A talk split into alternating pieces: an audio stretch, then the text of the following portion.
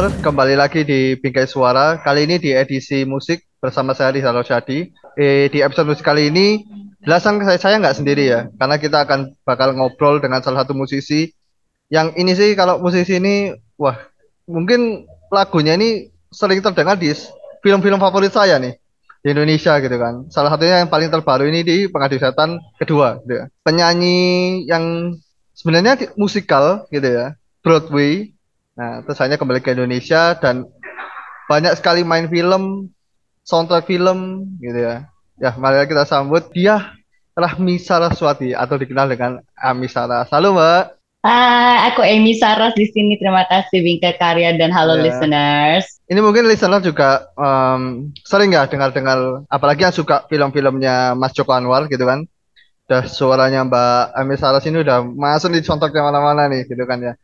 Oke, pertama aku mau ngucapin kongres dulu Mbak, rilis single terbarunya yang berjudul Lara. Wah, terima kasih. Itu indah banget Mbak. Emang kayak denger itu udah kayak, wow bayangin soundtrack nih udah. Wah. Oh, terima ya. kasih.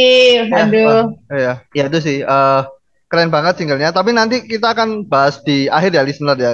Kita ingin tahu nih perjalanannya Mbak Emisar ini gimana? SD SD SMP di Indonesia langsung pindah ke Amerika mendalami musikal Broadway.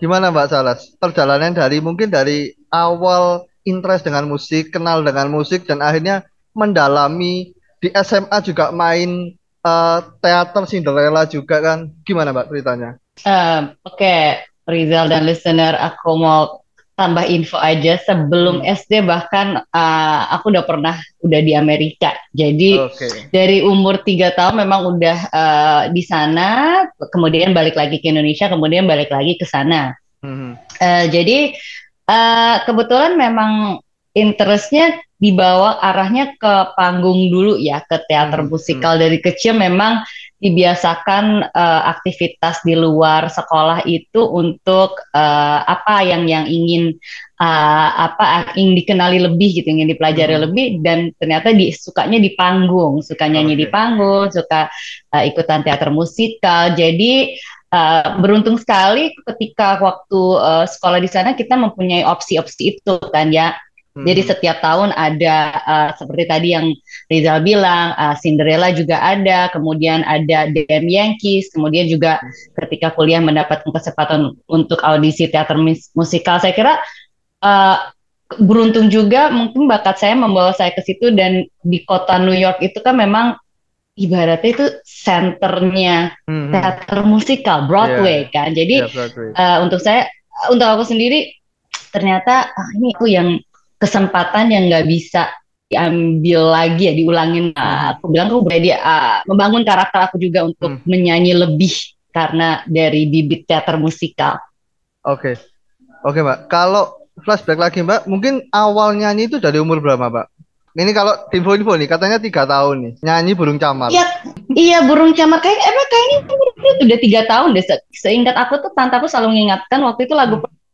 pertamanya tuh burung camar Mama Ina ya lagunya Mama hmm. Ina dan itu ingetnya sebelum pergi ke Amerika karena oh, okay. ketika tante aku itu main piano hmm. dia, dia cerita kamu tuh nyanyinya kok bisa modulasinya nggak fals oke jadi okay. dari situ aku selalu teringat ceritanya dan sayangnya nggak ada ini ya rekamannya tapi yeah. aku cuman ada saksi ya itu tante aku dan uh, Burung Camar kan salah satu lagu yang mm -hmm. teringat-ingat terus dan itu yang terus akan kuingat dan terima kasih banget untuk tante aku yang selalu mengingatkan iya kamu dulu udah pernah menyanyikan lagu itu lagu itu okay. belajarnya sama aku oke okay deh tiga tahun ya mbak ya nyanyi-nyanyi Burung Camar ya? hmm.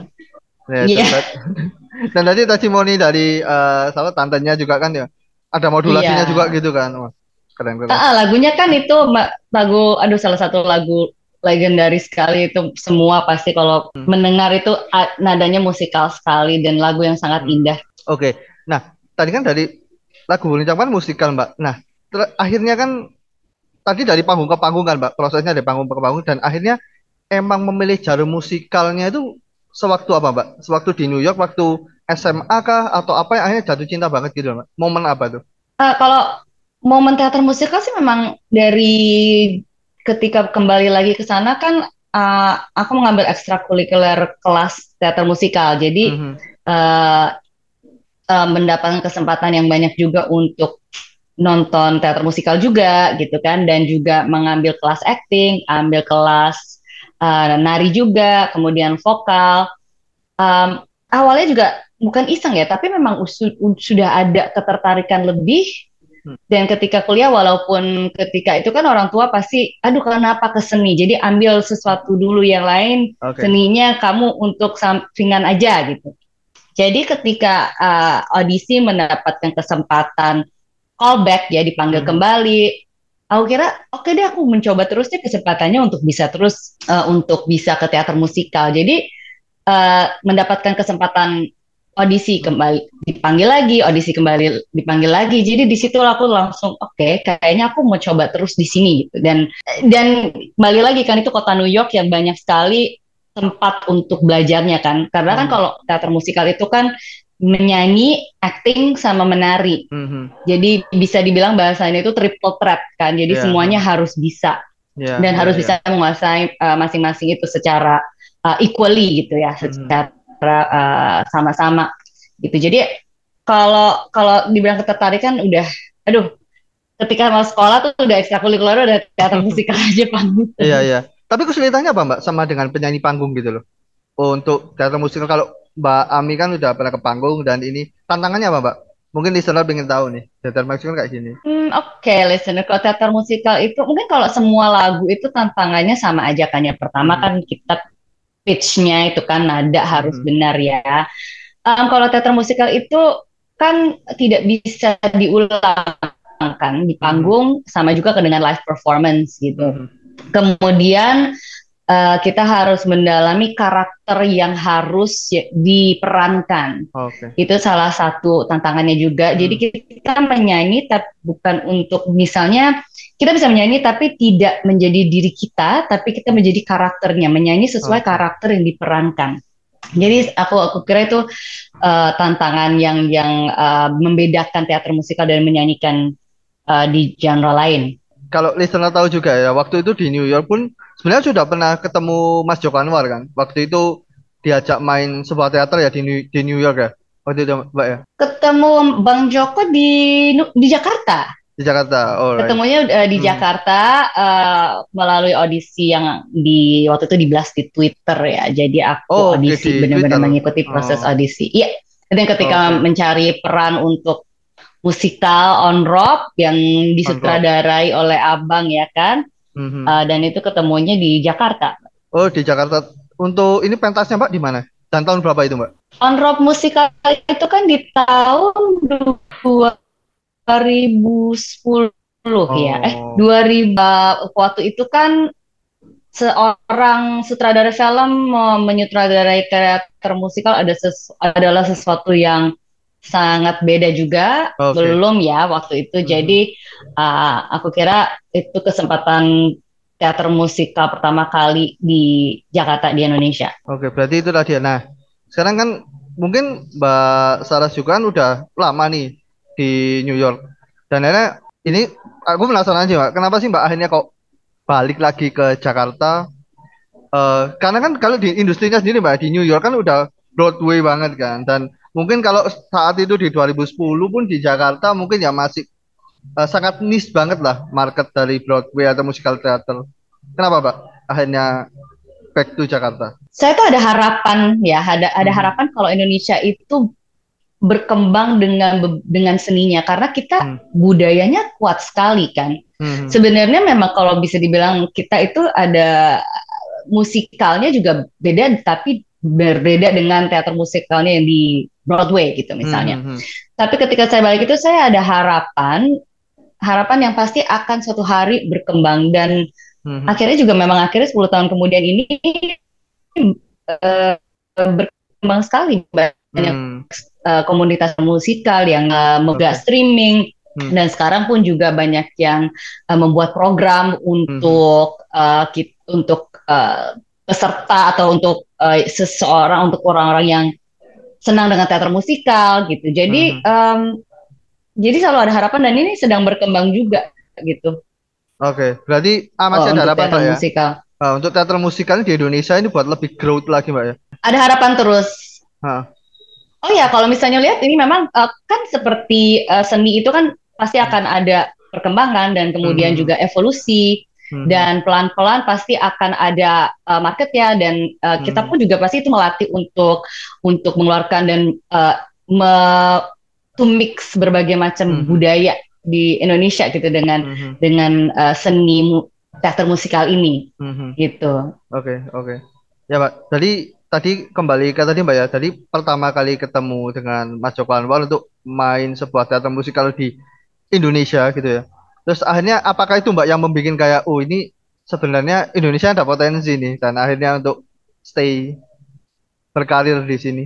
Oh tentunya dan lebih baik kan kita menjadi tuan rumah dibandingkan menjadikan tamu terus kan di negara oh. orang. Hmm. Jadi kalau misalnya kita mempunyai uh, satu yang bisa kita bagikan gitu ke ke yang membutuhkan dan Indonesia kan mem masih membutuhkan um, ilmu gitu. Jadi saya bilang nggak okay. apa-apa juga gitu kan untuk untuk mm -hmm. balik ke sini dan kebetulan ya memang semua itu kan tergantung waktu juga mm -hmm. dan yang tentunya kan kita punya keluarga di sini supportnya pasti lebih lebih besar um, dan akhirnya melihat potensinya banyak juga. Jadi ketika aku mendapatkan audisi itu aku mencoba aja uh, dan dan memang waktu itu kan juga lagi mulainya on rock musikal, kemudian hmm. juga ada Gita Cinta musikal, kemudian setelah itu ada Laskar Pelangi musikal, kemudian yeah. ada musikal-musikal kecil lainnya, terus terbangun komunitas. Jadi dan maksudnya maintain untuk beberapa tahun 10 tahun itu kan kita bisa ngeliat oh ternyata ada dan sekarang banyak banget kan teater-teater baru di Jakarta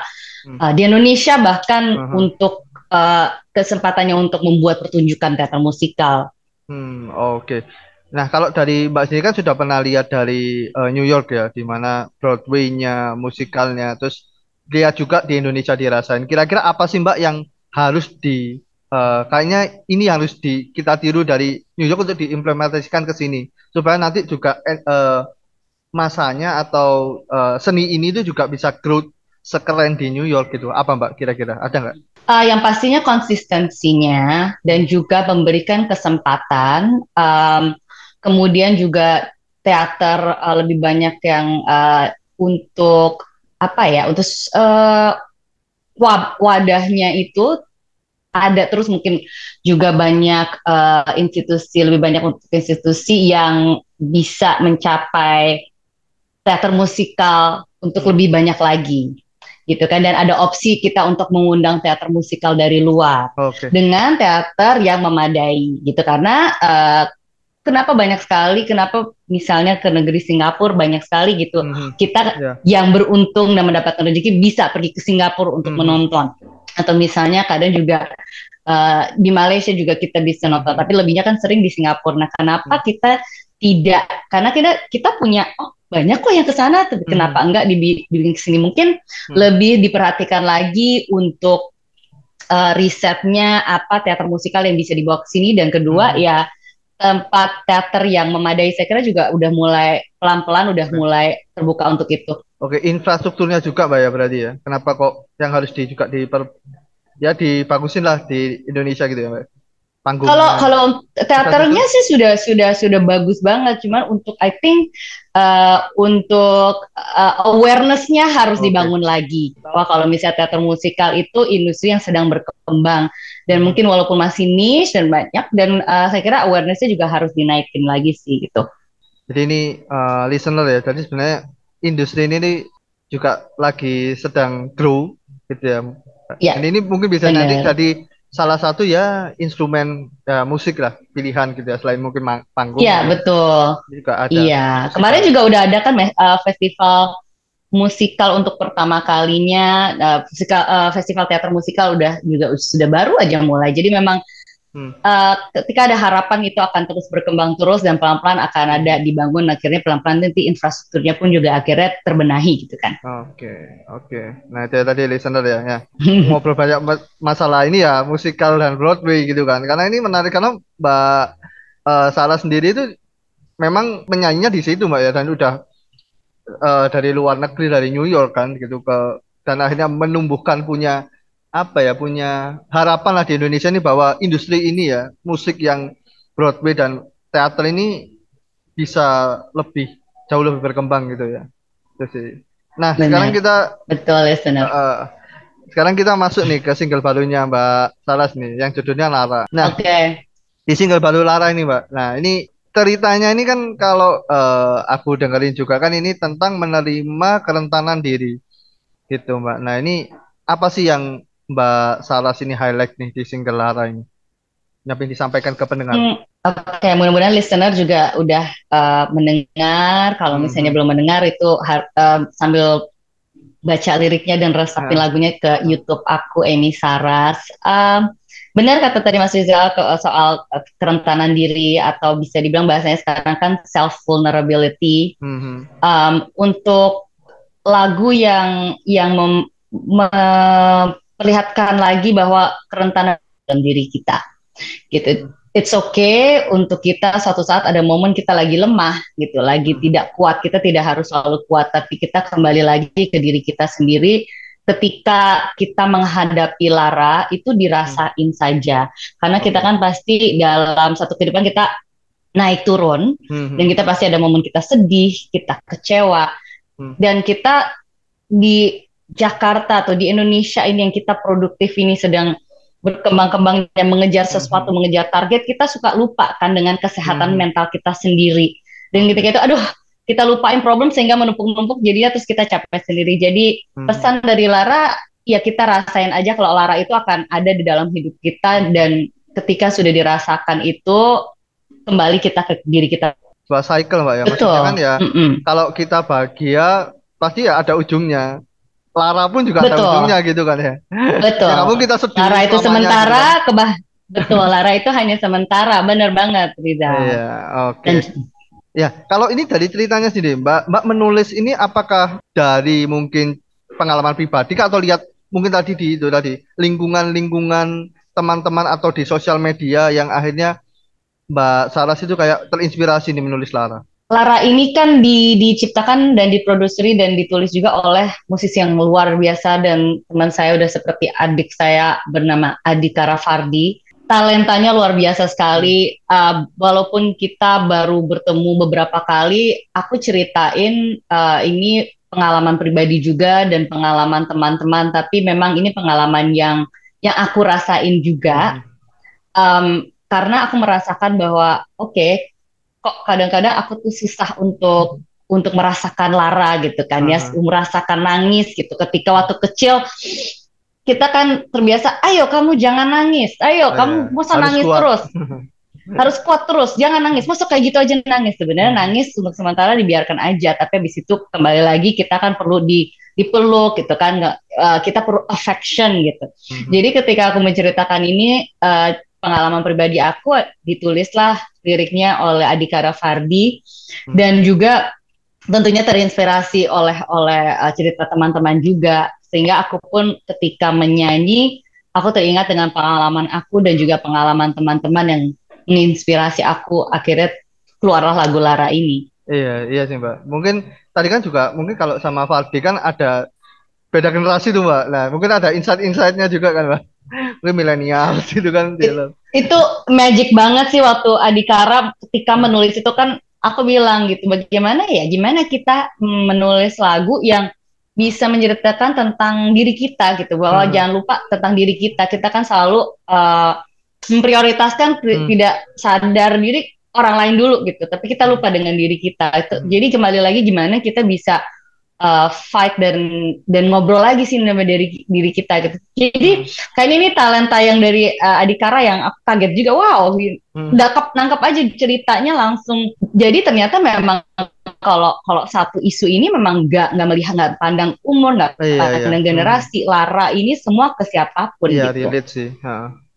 Ke anak muda, ke mungkin yang usia lebih matang gitu kan ya itu sudah ya cycle ya itu tadi ya jadi ada cyclenya lah mm -hmm. orang-orang. Yeah. Nah kalau dari ini mbak proses dari awal kali Lara ini digarap itu berapa lama mbak sampai akhirnya masuk ke uh, rekaman masuk ke proses-proses untuk penciptaannya mbak? Aku beruntung sekali ini prosesnya lancar dan tidak memakan hmm. waktu yang lama dan banyak hmm. dan waktunya dipertemukan pas sekali Uh, jadi awal tahun itu aku udah uh, workshop sama Adika Rafardi, hmm. kemudian uh, dengan tim juga gak lama setelah workshop itu juga tidak lama uh, langsung ke rekaman, hmm. langsung akhir tahun ini kan November tanggal 4 hmm. kemarin rilis. Jadi aku kira prosesnya benar-benar di tahun ini dan momen-momen pengalaman pribadi yang yang diceritakan di Lara itu benar-benar fresh dari dari tahun ini semua